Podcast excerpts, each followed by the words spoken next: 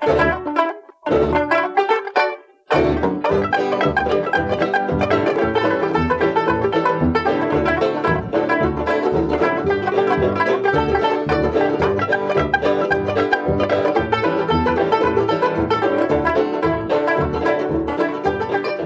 till Designpodden. Hej!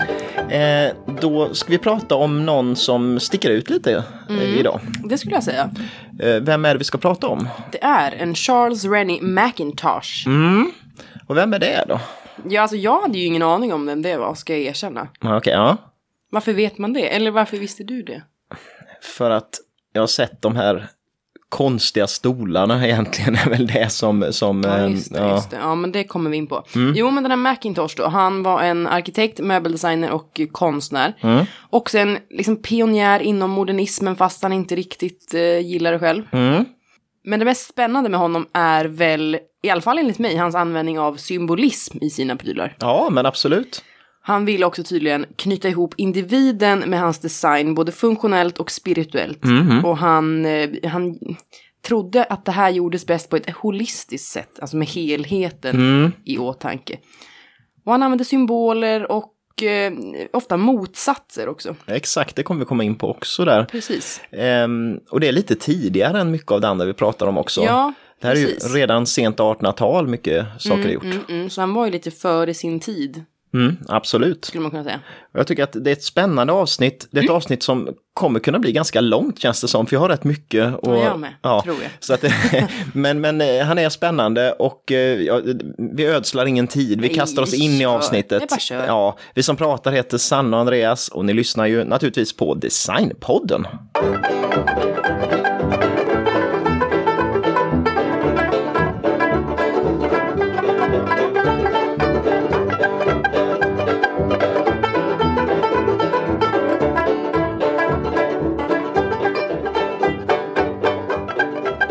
Charles Rennie McIntosh föddes i Glasgow den 7 juni 1868.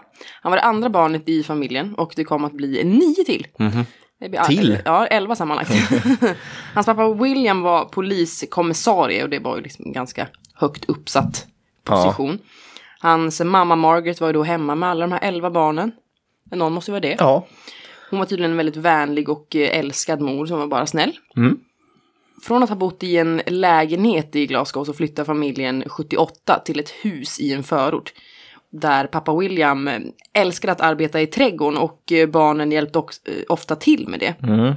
Och det säger jag bara för att det kommer att ha påverkat honom så mycket och synas sen Ja, det kan senare jag tänka design. mig, ja. Mm, mm.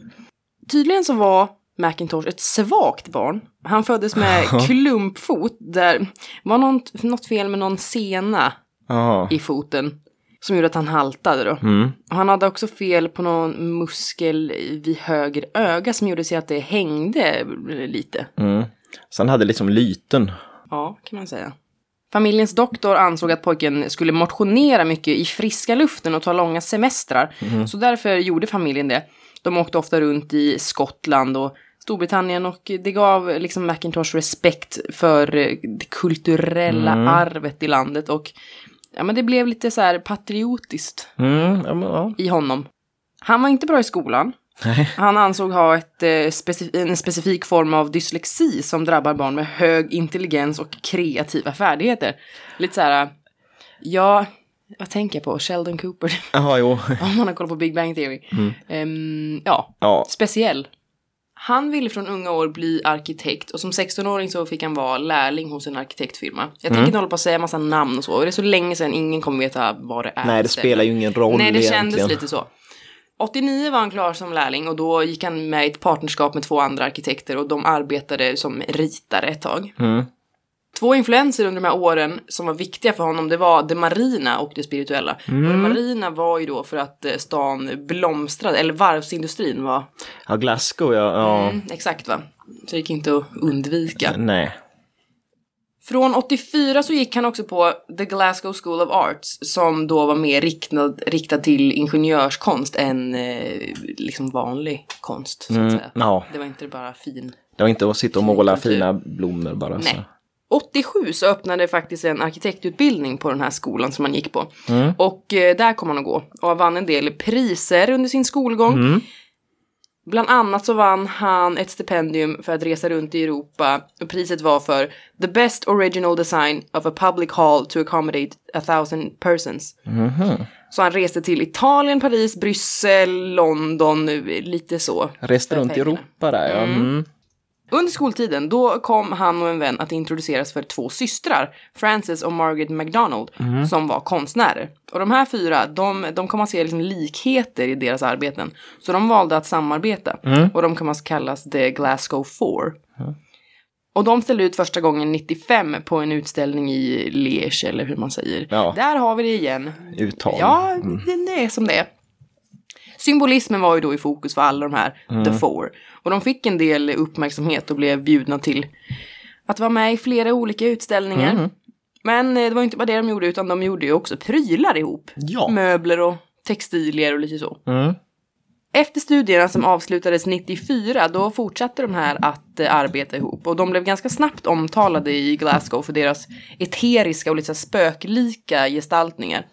De kan man kallas för spook school exempelvis. Ja, Men det är det här eteriska. Ja. Det, är, det ser man ju också. Ja, ja, men på det- det, är, absolut. det har ju någonting lite John Bauer över sig. Mm, Väldigt mycket John Bauer, verkligen. Sen då hösten 1900, då bjuds de här, de fyra, då in att medverka vid den åttonde Wiener-secessionsutställningen. Och det här secession, det, det kom av tyska ordet för utbrytning. Och då förstår man ju vad det är, liksom det är en, en konstgrupp som är en utbrytargrupp ifrån det liksom allmänt vedertagna. De vill inte vara en del av de här institutionerna och det som, som finns i samhället. Och ledaren för den här gruppen, det var Gustav Klimt. Och det är ju en ganska känd konstnär, om Mm, det är man det. säger. Och Klimt, han är ju, alltså det är ju ett eh, fruktansvärt stort konstnärsnamn Mhm. eh, om man ser passioner idag. Eh, Han, eh, det är svårt att beskriva hans verk egentligen, det är ju Ja, det är det. mycket guld tänker jag på. Ja, men, ja. men han var ju företrädare för symbolismen också som, som Macintosh var inne på. Och han, men hans verk kostar ju, hundratals miljoner Mm. auktion idag, så att, stort namn. Men åter till den här utställningen då 1900, för att de fyra de var redan kända som du har nämnt nu liksom i Centraleuropa på grund av de här utställningarna och att de avbildade så mycket som facklitteratur för konstnärer och arkitekter så att eh, de var stora redan då. Och eh, resultatet på den här utställningen det blev något som hette Skotska rummet helt enkelt. Och det var rätt logiskt för det var också lite med det här patriotiska också då kanske man vill lyfta upp det, det skotska. Och eh, det, det som visades i det här rummet var bland annat ett mörkt rökskåp och sen så en stol med hög rygg och oval bricka i toppen på ryggen. Och, och den här stolen kommer vi komma in på senare så jag nämner inte så mycket mer om den nu, men det är väldigt typiskt Macintosh. Um, och den här utställningen, eller Skotska rummet, snarare, togs emot med blandad kritik ehm, under tiden. Eh, vissa tyckte att det var dekadent och att det var liksom opraktiska möbler och miljöer som var omöjliga att leva i. Men samtidigt var det ju väldigt många som gillade det här. Och det man märkte direkt nästan, det var att den här Wiener-secessionen och eh, de fyra, det gick verkligen hand i hand. De hade samma syn på konstnärskap och vart man skulle leda utvecklingen. Och eh, det sägs att eh, Macintosh inspirerade Gustav Klimt mycket, men även Josef Hoffman till exempel, så att många av de här största namnen ner i Europa liksom fick inspiration av eh, Macintosh. Och det här ledde fram till att Macintosh fick flera stora uppdrag nere i Österrike och Tyskland. Eh, bland annat ritar han 1900 då en röksalong åt en Fritz eh, Werndorfer som var en av de här viktigaste personerna i Wienersecessionen. Han blev också viktig i Wiener Werkstätte senare. Ehm, så att, eh, ja, han börjar få uppdrag i Europa redan här. Den här salongen som han ritade, den, eh, det som är ganska typiskt här kan man se det är att det skiljer sig från mycket av det andra som finns i eh, inredningen under den här tiden. Varför det är inte mörkt, det är inte murrigt, det är inte dystert utan det var liksom ett, ett lila och rosa accent eh, liksom, som, som fanns där och eh, det blir en helt annan känsla än det andra man kan se under den här tiden. Men det viktigaste uppdraget som Macintosh får nere i kontinentala Europa, det är bidraget till eh, Alexander Kochs hus Haus eines Kunstfreundes, alltså en, konstväns hus då helt enkelt. Eh, Och det var en tävling 1901. Och det är lite ironiskt att det här är viktigt för att eh, det blir inte något bra egentligen. Ehm, Den här Kock han var redaktör för eh, det tyska konstmagasinet eh, Deutsche Kunst und Dekoration. Och eh, tävlingen gick eh, skräp helt enkelt. Så att det blev inget första pris och det blev inget hus byggt. Eh, men Macintosh fick ändå ett, eh, liksom en liten peng för att han hade en så originell och bra idé. Mm. Men grejen var att Macintosh bidrag, som säkert annars hade kunnat vinna, det kom in för sent och det var inte färdigt när det kom in. Och det är ganska typiskt för Macintosh senare, ja. men vi kommer väl in på det också. Men det blev inte riktigt eh, som man hade tänkt kanske. Det, det pratas om att han inte ens hade tänkt att lämna in det, men någon annan skickade in de här skisserna ja, ja. åt honom då så att han verkligen skulle vara med. Eh, men alltså varför det var viktigt, det var att det här gjorde att Macintosh verkligen blev ansedd som den största nyskaparen och nytänkaren inom den här symbolismen och den typen av jugend. Och skisserna över de här tänkta interiörerna till det här huset de är ju fantastiska. Det är verkligen så här, så vill man bo. Så, mm, så vill man. Ja. Det, är liksom, det är någon art nouveau blandat med geometrisk jugend, starka färger och ändå ganska mm. ljust. Och sen så mycket installationer som hänger från taken, liksom så här armaturer, ljusarmaturer som inte var så vanligt på den tiden. Så att, eh, ja, väldigt roliga eh, interiörer. Och sen exteriören skulle ritas också, själva huset. Och det var ett massivt hus med ganska små fönster skiljer sig väldigt mot eh, det vi har pratat om i tidigare avsnitt från modernismen då, liksom med de här stora glaspartierna. Eh, det fanns torn och skorstenar som nästan liknade torn, så jag tycker att det påminner lite om en någon borg eller ett, oh. ett slott eller så då. Va? Det och det här huset byggdes ju aldrig som vi sa, men 1996 så byggs huset. Nej. och det byggs i Glasgow eh, för att inhysa alumniavdelningen på Glasgow School of Art. Så att det är ju lite kul att det ja. till slut så byggs det ändå. Då. Bra. Sen år 1900, samma år som den här utställningen, och gifte sig Macintosh mm. med Margaret MacDonald. Yes. Och, um, en de, av the four alltså? Ja, en av de four. och de kommer ju att arbeta ihop resten av livet. Mm. Eh, och jag hittade ett par citat, för det är ganska viktigt, för att här nämner vi då eh, Charles eh, hela tiden. Men eh, så här sa han om Margaret då. Han sa att jag har talang, men Margaret är ett geni. Eh, han sa också att eh, i alla mina projekt har hon varit hälften eller två tredjedelar. Mm. Så att egentligen så har hon spelat minst lika stor roll som, ja. som han har gjort i alla möblerna och alla miljöerna. Men det är ju svårt att nysta i vad, vem, vem av dem som har gjort vad och så vidare. Så jo, att egentligen... kan vi anta det. Säger han det så antar vi det. Ja, så att båda har ju varit inblandade i allting mm. eh, i allra högsta grad. När de gifte sig var Charles 32 och Margaret 36. Och de får aldrig några barn mm. ihop. Um, och Macintosh eh, hade länge arbetat på arkitektkontoret um, Hanneman och Keppi i Glasgow. Mm. Och eh, där hade han ju medverkat vid flera stora så viktiga husprojekt. Det var um, Glasgow Herald, det måste ju vara tidningen i, i, Glasgow, deras kontor och Queen Margaret Medical College och flera andra. Men i de projekten så fick han inte direkt liksom, något spelrum för sin stil, för att det där var projekt som var beställningsjobb från de här företagen och dessutom så jobbar han ihop med andra. Va? Så att där ser man inte riktigt hans, liksom hans vilja, liksom hur det ska se ut. Um, och sen finns det ett annat problem i den här firman då, när Honeyman och Keppy. Eh, det är att eh, då eh, Charles, han hade varit förlovad med Keppis syster. Jaha, och det där var ett problem. Ja. Så att relationen med Keppy blev inte jättebra när han gifte sig med Margaret då istället.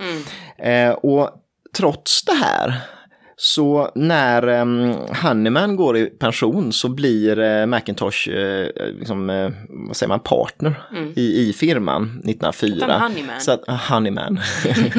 så att det måste ändå varit lite kyligt, det ja. beskrivs som det.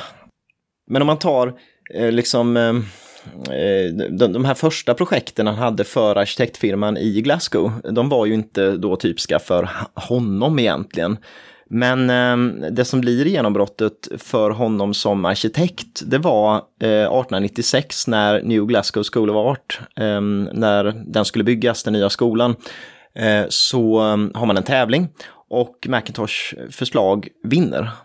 Och den färdigställs i två etapper, det är 1897 till 99, den första etappen byggs och sen så byggs den ut igen 1907 till 1909, så det är tio år emellan. Och nu kommer vi in på det här med att, att Macintosh beskrivs som liksom att han förenar motsatser.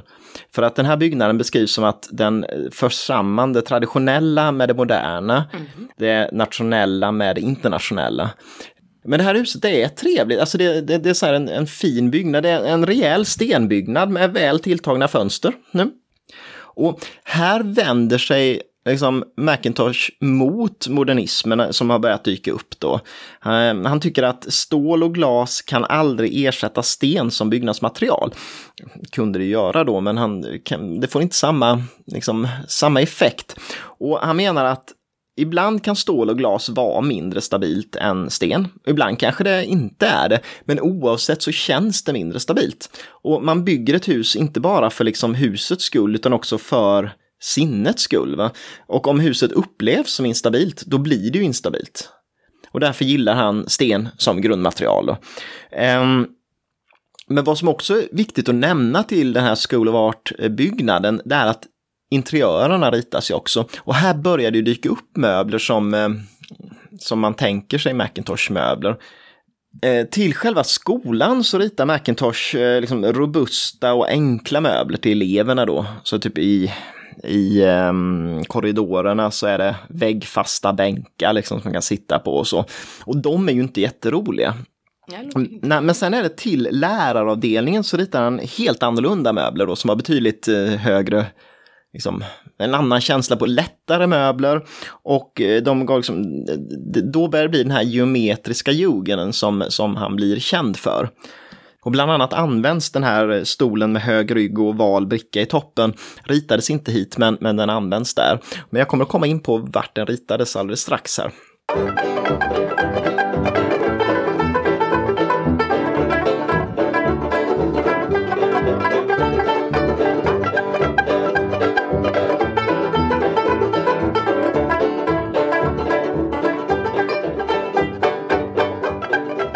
Tävlingar till trots och tider i, eh, nere i Europa till trots. Så, alltså det viktigaste för Macintosh som eh, formgivare, det måste ändå anses vara T-rummen. Och alltså, det, vad är då ett T-rum? det, det, det, är liksom, ja. Det det låter som. Ja, det är ställe man sitter och dricker te på. Ja. Eh, och, men att man inte har ingenting man har hemma liksom, utan Nej. det är något, ett, ett offentligt terum där man, um, ungefär som ett café liksom. Lite onödigt att ha hemma ändå. Ja, eh, ja, i England du vet. Och, ja, det är gillar de te. Ja, egentligen. Men redan på 1870-talet tydligen så började det bli, dyka upp sådana offentliga terum och eh, de blev allt vanligare med tiden i Skottland. Och syftet var att minska superiet. Jaha, man ska dricka te? Eh, ja, man ska dricka te för att arbetarna drack sprit på dagarna när de ja. Eh, hade ledigt från jobbet. Och eh, då, då, gjorde man de här terummen som skulle vara eleganta, trevliga att gå till och eh, de, de slog igenom och både män och kvinnor gick dit och olika samhällsklasser och så. Eh, och tydligen ofta så kombinerar man de här med konstgallerier så man ställde mm. ut konst och så där. Ja, det låter mysigt. Mm. Och 1884 så är det en Catherine Cranston som startar sitt första terum. Och det gör hon eh, med hjälp av sin rika pappa, så ja, ja. överklass liksom, som hon måste ha något att göra. Då startar hon ett terum. Ja. Mm. Och eh, med tiden får hon då idén att kombinera terummet med restaurang, biljard, rökrum och så vidare då, va? för att ja, bygga ut verksamheten. Mm. Och det här mynnar ut i att hon 1892 får en fastighet i bröllopspresent av sin make. Så att det, det, det är mycket pengar i den här familjen. Eh, men och i den här fastigheten hade hon redan sedan tidigare haft sitt terum. Så nu kan hon bygga ut det här ordentligt. Och hon fortsätter, liksom 1895 köper hon ytterligare två fastigheter på Ingram Street och Buchanan Street eh, och öppnar terum där. Och hon öppnar något som heter Willow Room eh, också i Glasgow där. Så att hon har fyra sådana här tea rooms. Eh, Eh, och det här blir viktigt för Macintosh för att hon får upp ögonen för honom och, och vill att han ska inreda alla de här fyra T-rummen. Och det jobbar hon med, eller jobbar han med under um, väldigt många år. Och det som var viktigt och det som gör också att interiörerna dit blir väldigt bra, det är nog att Macintosh får helt fria händer. Han får jobba hur länge han vill, han får lägga ungefär vilka pengar han vill på det och han får göra vad han vill. Och då fungerar han som eh, formgivare. Mm. Eh, och, Det skulle jag också göra. Jo, men det, det blir ju det blir mycket lättare då än att man har massa tyglar och massa krav på sig. Liksom. Och till det här T-rummet, ett av dem, eh, det här första på Argyll Street eh, 1897, så ritar han den här High-backed chair with pierced oval splat. Och det här är eh, kanske Macintosh mest kända stol. Eh, kända föremål överhuvudtaget skulle jag tro nästan. Ja. Eh, och det är en väldigt högryggad stol. Jättehög. Jättehög rygg. Och sen så är det liksom eh, som spetsiga stolpar bak i ryggen. Eh, och sen så längst upp då på rygg, eh, ryggen då så finns det en oval ryggbricka med nästan som en sur gubbe på. Det blir som Ja. en sur smiley längst upp. Ja. Eh, väldigt speciell stol, men den dyker upp hit. En inte fullt lika spektakulär möbel, men ändå en som eh, är väldigt typisk Macintosh, det är Leatherback Chair, stegryggsstolen. Och den ritade han till det där Willow Tea Room eh, 1903 till Vad var 1904. något speciellt med det? Ja, men alltså den, om man säger så, Men The Tea Room tänkte jag på. jag vet faktiskt inte riktigt om det skilde något markant mellan dem. Men stolen, den, eh, den var ju lite på något sätt shaker-inspirerad känns det nästan som. För att själva benställningen, den var sammankopplade raka ben och flätad sits i nästan sånt där pappersnöre som eh, Wägner och de här har använt sig av senare. Eh, Men sen har den den här jättehöga ryggen med 13 steg då eller sådär som gör att det blir Ja. som en stege. Och det som är väldigt typiskt också det är att ryggen går ända från, alltså den är likadan ända från marken längst upp i, i toppen på rygg, ryggpartiet så att det är liksom inga ben utan det är, liksom, det är en rygg. Sen bör man också nämna en till stol för de här T-rummen som eh, är väldigt speciell och känns 80-tal och inte alls eh, sekelskifte. Mhm. Och det är Novel Curved Lattice Back Chair. Så det är en gallerryggsstol. Och den ritades också åt det där Willow room, tea room. Willow Tea Room 1903 till 1904. Och den är, sedd uppifrån så är den som en halvcirkel. Alltså, och sen så har den en eh, rygg som är i trä då, men som är geometriskt gallerformad. Som går hela vägen, så den, har liksom, den är lika hög hela ryggen och fortsätter ända längst fram. Så att det är som en halvcirkel nästan. Eh, känns ju, det känns här Memphis eh, postmodernism eh, och inte alls eh, som om den är så tidig, men väldigt speciell stol. Eh, jag, vet, jag, jag tycker inte den är den är inte fin, men den är Nej, väldigt speciell och viktig givetvis att man har gjort den så tidigt. Eh, och te, de här T-rummen, de var ju då liksom en, en plantskola för hans eh, olika möbler och interiörer. Eh, men de är ju lite ironiska också på ett sätt. Mhm. För att eh, själva syftet med dem, det var ju att, att minska superiet och det var så här någon kristen eh, grundtanke med dem och så. Och eh, Macintosh, han super ju fruktansvärt under den här tiden. Han dricker mer och mer hela tiden. Han kunde ju ändå jobba för han eh, var han nedgången ett tag, då behövde han inte göra så mycket kanske, men det blev problem när andra uppdragsgivare började ställa krav att det ska vara klart om tre månader och det får inte kosta mer än så här, så här många pund. Nej. Då blev det problem. Och ett ganska tydligt exempel på det, det var ett hus som eh, Macintosh byggde, en privatbostad eh, som eh, heter Hill House. Eh, och det är ett av hans mest kända projekt egentligen. Gjordes 1902 till 1903. Eh, och den gjordes åt en förläggare som hette Walter Blackie. Och tanken där var att taket skulle göras i skiffer. Och det är ju snyggt givetvis, det är jäkla prydligt. Men då föll det sig väldigt olyckligt att det blev strejk i skifferbranschen. Nej. Precis då. Typiskt. Och då tyckte Blackie att nej men vi skippar skiffret, vi gör något annat istället, tar någon annan sten liksom. Men det vägrade Macintosh så att bygget stod still i sex månader innan man kunde få leverans av skiffer och bygga klart huset. Och det visar, alltså det är inte många uppdragsgivare som går med på det här, att man, att man är så obstinat i, i sina idéer. Um, och sen på det privata planet då, ja, mellan, mellan 1900 från att de gifte sig eh, till 1906 så bodde Charles och Margaret i en lägenhet på Main Street i Glasgow. Eh, den är värd att nämna för att den visar deras syn på inredning. Det är det här ljust och fräscht och det förknippar man absolut inte det här tidiga 1900-talet Nej. med där edvardianska interiörerna i England. Det var liksom så här draperier och mörka tunga möbler. Men deras lägenhet den var så här ljus, den var öppna planlösningar, ganska sparsamt möblerat. Och grejen var att de var dessutom antimaterialister, tyckte inte att, ja men liksom det här att vi får ingenting ta med oss när vi går och vi ska inte, saken är inte det viktigaste utan det finns andra saker i livet. Eh, Och det gjorde att det möblerades därefter också. Eh, 1906 då, då flyttade de till ett hus istället i Glasgow som eh, i Florence Terrace. Eh, och det, det här är ett väldigt typiskt exteriört, ett väldigt typiskt engelskt hus. Så, ja, jag kan tänka. Ja, men det är ett sånt där trevåningshus som egentligen är en länga, så att det är många som bor där och man har en egen ingång från markplan, liksom. Det är så här Mr Bean-bon och så. Mm. Ja, och så där. Man, man förstår precis hur det ser ut. Ehm, men Macintosh vill göra om det här då, va? Eh, så att de, de väljer att slå ut väggar invändigt i huset för att få lite mer öppna planlösningar.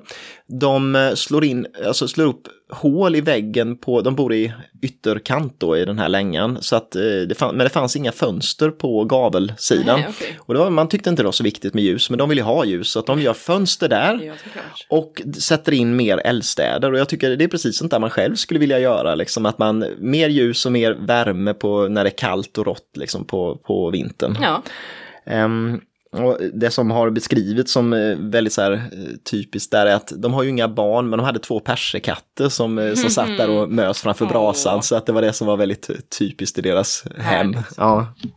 På um, kontinenten då som vi var inne på innan var ju Macintosh väldigt uppmärksammad och uppskattad. Han såg som en av de största. Men i Storbritannien och särskilt i Glasgow eh, så hade han svårt att slå igenom. Och det ligger väl, ja det är ju lite där profet i sin egen stad och det här att det, det är inte så lätt.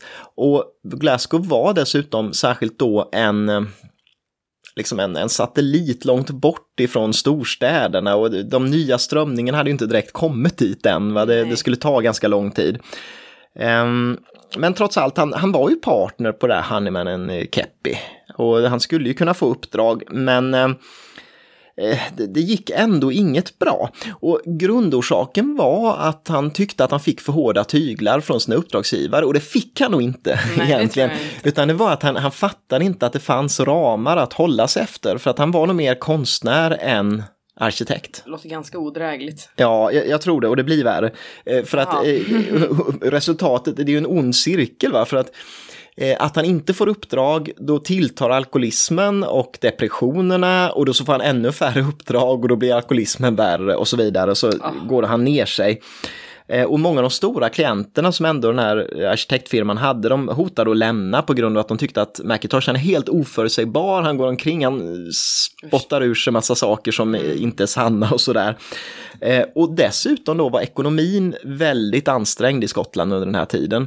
Det stod i den här boken vi har använt eh, som heter Macintosh, utgiven av Taschen förlag, som jag har använt många gånger. Jättemånga gånger. Ehm, Den är utgiven av Taschen förlag och heter då Macintosh och är skriven av Charlotte och Peter eh, Phil. Ehm, så det är ett tips särskilt för fina så här, jugendbilder. Bilder, ja. Man blir så glad. Oj, oj. Men det stod i den här boken då lite exempel på vad Macintosh tjänade under den här tiden. Och det gick ju dåligt då i, i, Skottland generellt sett, men eh, jag tror inte Macintosh tjänade allt som man tror att han gjorde då, trots att han är delägare i en, eh, en arkitektfirma. 1911 så tjänade han 250 pund och det låter inte så jättemycket liksom, men det är ändå ja, 250 pund på den tiden, det kan Jo, inte varit jo, så illa liksom. Eh, 1913 tjänade han 80 pund. På ett år. Ja, på ett år. Och då skulle jag räkna om lite, vad motsvarar det här idag? Och det motsvarar ungefär 40 000 kronor om året. Så att, nej, det, det går inte bra. Och det fortsätter att bli tragedier här. 1913 så dör John eh, Honeyman. Eh, och tydligen är det han då som han haft bäst, bäst kontakt med i och med att Keppi då med det här med systern Ja, och det, det var in, inte bra. Eh, så att eh, det här gör att Macintosh går ner sig ännu mer och han kan till slut inte arbeta överhuvudtaget utan sitter hemma. Och ja, resultatet blir helt enkelt att den här firman, Honeyman Cappy, läggs ner 1914. Och det blir väl lite en, en väckarklocka ändå för Macintosh han inser att han måste ju jobba, han måste få in pengar. Så han försöker jobba vidare lite så att han ska jobba kvar i de här lokalerna som eh, arkitektfirman har haft tidigare. Men det går inget vidare, han fortsätter och försöker jobba, jobba hemifrån istället. Men det går heller inte sådär vidare bra. Det som håller honom lite över ytan ändå under den här tiden, det är hon Eh, Catherine eh, Cranston som har de här T-rummen, att han, han får fortsätta att formge vissa saker även fortfarande då för de här T-rummen. Men det som är ganska typiskt för Macintosh under 10-talet, det är att han, han är med i väldigt många arkitekttävlingar men han vinner inga priser. Mm. Och när han inte vinner priserna så super han. Ja, då super han och säger att nej men det beror inte på att jag inte var klar riktigt med skissen och det beror inte på att de inte gillade mina skisser utan att de gillar inte mig. Det är mig, de har personligt agg mot mig. Det Så att man inte kan, konstigt om man hade det. nej, men alltså man kan tänka sig hur han satt och var bitter här.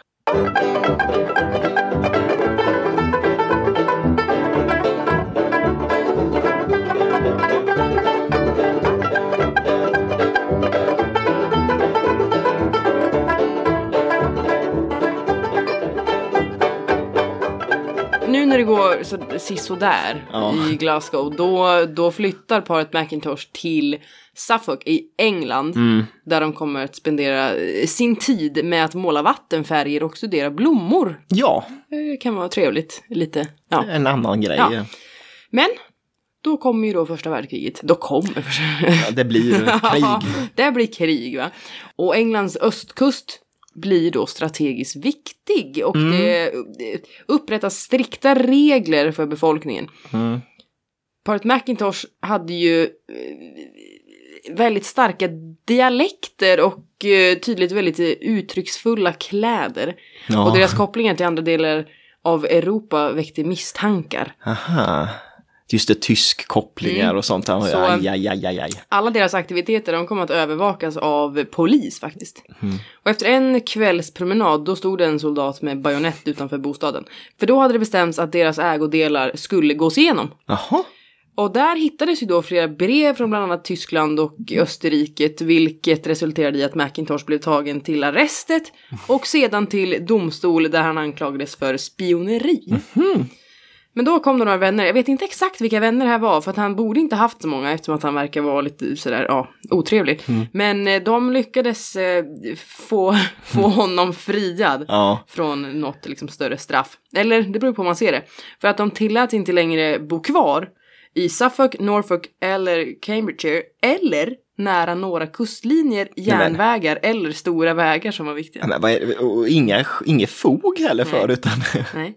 Eh, De tvingades också rapportera vart de skulle bo och väl där skulle de rapportera till den lokala polisen. Eh, De sökte sig till London där de kom att stanna mellan 1915 och 1923. mm. Macintosh kom att jobba på Kings College med att rita gatuplaner till en professor som heter Patrick Giddies. Mm. En kollega till honom under den här tiden har sagt, citat, His personality unfortunately did not make a very congenial impression on me. Alltså inte sånt trevligt. nej. But this was chiefly because his aura was suffused with the alcoholic potations to which he was addicted. Alltså vilket de alko... Alkoholmissbruket. ja, Ja. de drycker som han då var. Inmundigade. Ja. Gjorde att han inte var så jävla god och glad. Ekonomin var dålig i landet som du sa. Mm. De hade svårt att hitta jobb och han vände sig då istället till att måla vattenfärger och eh, en del textildesign för faktiskt två olika företag. Mm. I synnerhet så bestod motiven då av eh, stiliserade växter och geometriska mönster. Är inte det här väldigt fina saker? Jo, Eh, de tycker jag. Jag reagerade på det, att det Ja, var så riktigt fint. Och faktiskt så, så blev de här lukrativa för honom och han tjänade Mm. då ungefär 200 pund igen. Ja, men då är han tillbaks där han var Ja, innan. så även fast det var liksom dåligt i landet så gick det helt okej. Mm. Han var dock inte nöjd. Nej. För det var inte det han skulle hålla på med, utan det var arkitekturen som Mm. var det högsta och det finaste. Ja. Mm, han lyckas få några jobb på något sätt. Där ett var att göra om ett helt eh, hus i Northampton. Mm, och inredningen där liksom förekom art deco med vågade geometriska mönster och så här kontrastfärger. Mm. Så man får komma ihåg att han var, det var liksom Tidig- innan. Ja. så att säga. Eller i alla fall precis i början. Mm. Och utsidan var mm, vitmålad betong. Mm. Inte ja, just det, heller- betong. Ja, eh, och det... Precis, precis. Och det var ju faktiskt ett av de eh, första riktigt modernistiska husen i Storbritannien. Ja. Så han glider in på det trots att han inte gillade det egentligen. Ja, han gör det. Ja. Det är inte svårt att motstå tänkte jag säga. Nej. Runt 1920 då får han ett jobb att designa ett hus åt en konstnär som heter Harold Squire. Mm. Så det går ju liksom lite bättre. För samma år så frågar The Arts League of Service. Alltså deras syfte var att göra konst tillgänglig mer i vardagliga livet. De frågar Macintosh om man kan rita ett helt kvarter Oj. med lägenheter. Och det gör han. Men ägaren till marken där det skulle byggas, han gillade inte designen. Och Macintosh han vägrar att ändra på något som du Förstås, varit inne på ja. lite innan. Så han lyckas på något sätt få igenom sin design. Men i slutändan så fanns det inte tillräckligt med finansiering. Så, det blev så inget. blev inget. Nej, nej. Synd. Deppigt, jättedeppigt. Macintosh sista ritade hus, det kom att bli en teater för 470 personer. Mm. Utsidan var inte direkt modern, men funktionerna var... Han ville att den skulle göras i betong, Mm. men eh, det fick han inte bygglov till. Eller det, det liksom var för radikalt, så det Okej, blev det- inget med det heller. Nej. För han ändrar sig aldrig. Nej, så det blev inget av den Nej, där... det blev inget heller, han bara ritade den. Ja. Han blev då väldigt nedslagen av detta och han fortsätter inte Nej. mer med att rita hus. Nej. Eh, väldigt få inkomster och ingen bra vibe så tar de eh, tillflykt till Pyrenéerna. Av alla Ja, ställen. där var hyrorna mycket lägre. Och det är liksom softare. Ja. där stannade de i fyra år. Men Margaret eh, blev sjuk och tvingas vara i London för vård i två månader. Mm. Och sen börjar Macintosh klaga över hans tunga som ty- tydligen svällde upp. Mm. Då skyllde han på det amerikanskt producerade tobaken. Ja, Det tyckte han var, den var skit. ja, något, något knas. Mm. 27 var de tvungna att eh, återvända till London. Där han diagnostiserades med cancer i tungan. Cancer i tungan. Mm, och de hade inte råd med vård. Så att eh, någon vän igen lyckas övertyga den här läkaren om att Macintosh var en stor arkitekt och, men att det var liksom kristider. Så att han får faktiskt behandling gratis. Mm. Eh, ja, och det gick väl så helt okej. Han förlorade talförmågan men han liksom levde ju Ja. ett tag. Ja. Men han kom att dö året därpå, den 10 december, på ett sjukhem. Mm. Till hans begravning kom sex personer. Det är deppigt. Ja. ja, det är jättedeppigt. jag vet inte varför det så, betyder så mycket. Men det, Nej, men det var- visar på något Ja. sätt. Ja. Efter även Margits död 33 så värderades alla deras ritningar och målningar till ett värde av 88 pund. Ja. Och det slutar där. Ja, alltså det, det är precis, det är ju liksom the end. Och som du sa lite tidigare så att, alltså boken betonar att, att han stannade kvar i Skottland var det som gjorde att han inte fick det erkännandet som han Mm. ville och förtjänade. De betonar att han hade säkert eh, fått det om han, ja Hade- men om han var på kontinenten Ja. eller i USA. Ja. Och självklart hans drickande också då. Jo, men om man kikar på Josef Hoffman och man kikar på de andra arkitektkollegorna så blir de ju jättestora namn under sin tid, men Ja. han blir inte det. Nej, och det, ja, som sagt, det är väl en kombination av de tingen. Ja, Spriten och Skottland. ja, dålig kombination. ja, lite. Nej, jag var lite deppig. Mm.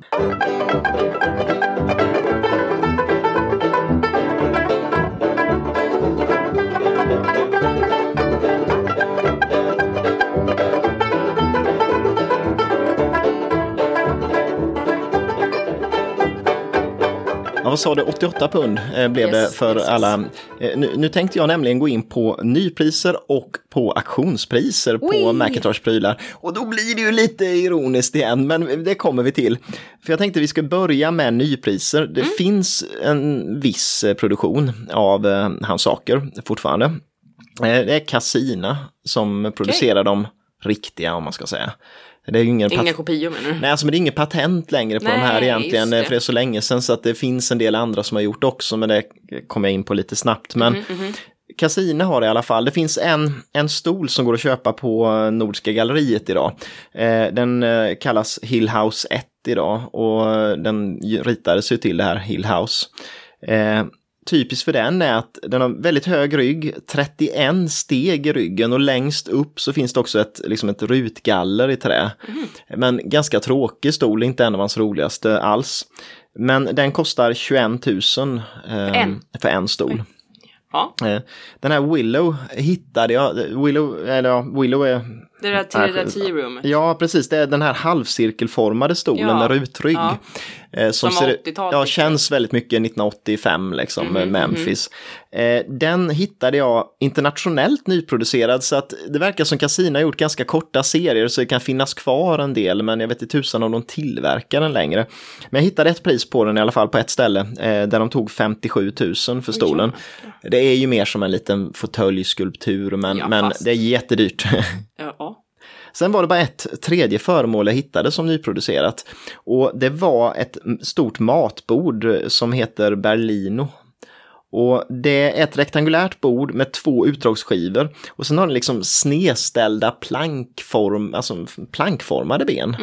Som är lite genombrutna. Känns ju jorden men väldigt enkelt ändå. Eh, men funktionellt, kostar 60 000. Är ju dyrt men inte jättedyrt för ett Nej, matbord. orimligt. Nej, inte orimligt Eller, dyrt. ja. Ja, men dyrt, dyrt ändå. Eh, Men det fanns inte heller i Sverige att köpa och jag vet inte om det finns produktion längre. Eh, Sen har Casina tillverkat väldigt många olika modeller genom Mm. åren, så här korta serier och så, mycket bord. Eh, En del ganska fina småbord och sånt. Och de kan dyka upp på auktion men de finns inte längre att köpa i butik. Sen har ju andra firmor, det finns bland annat i Danmark, något Heart of Denmark, någon firma som har tillverkat eh, eh, av Macintosh-grejer.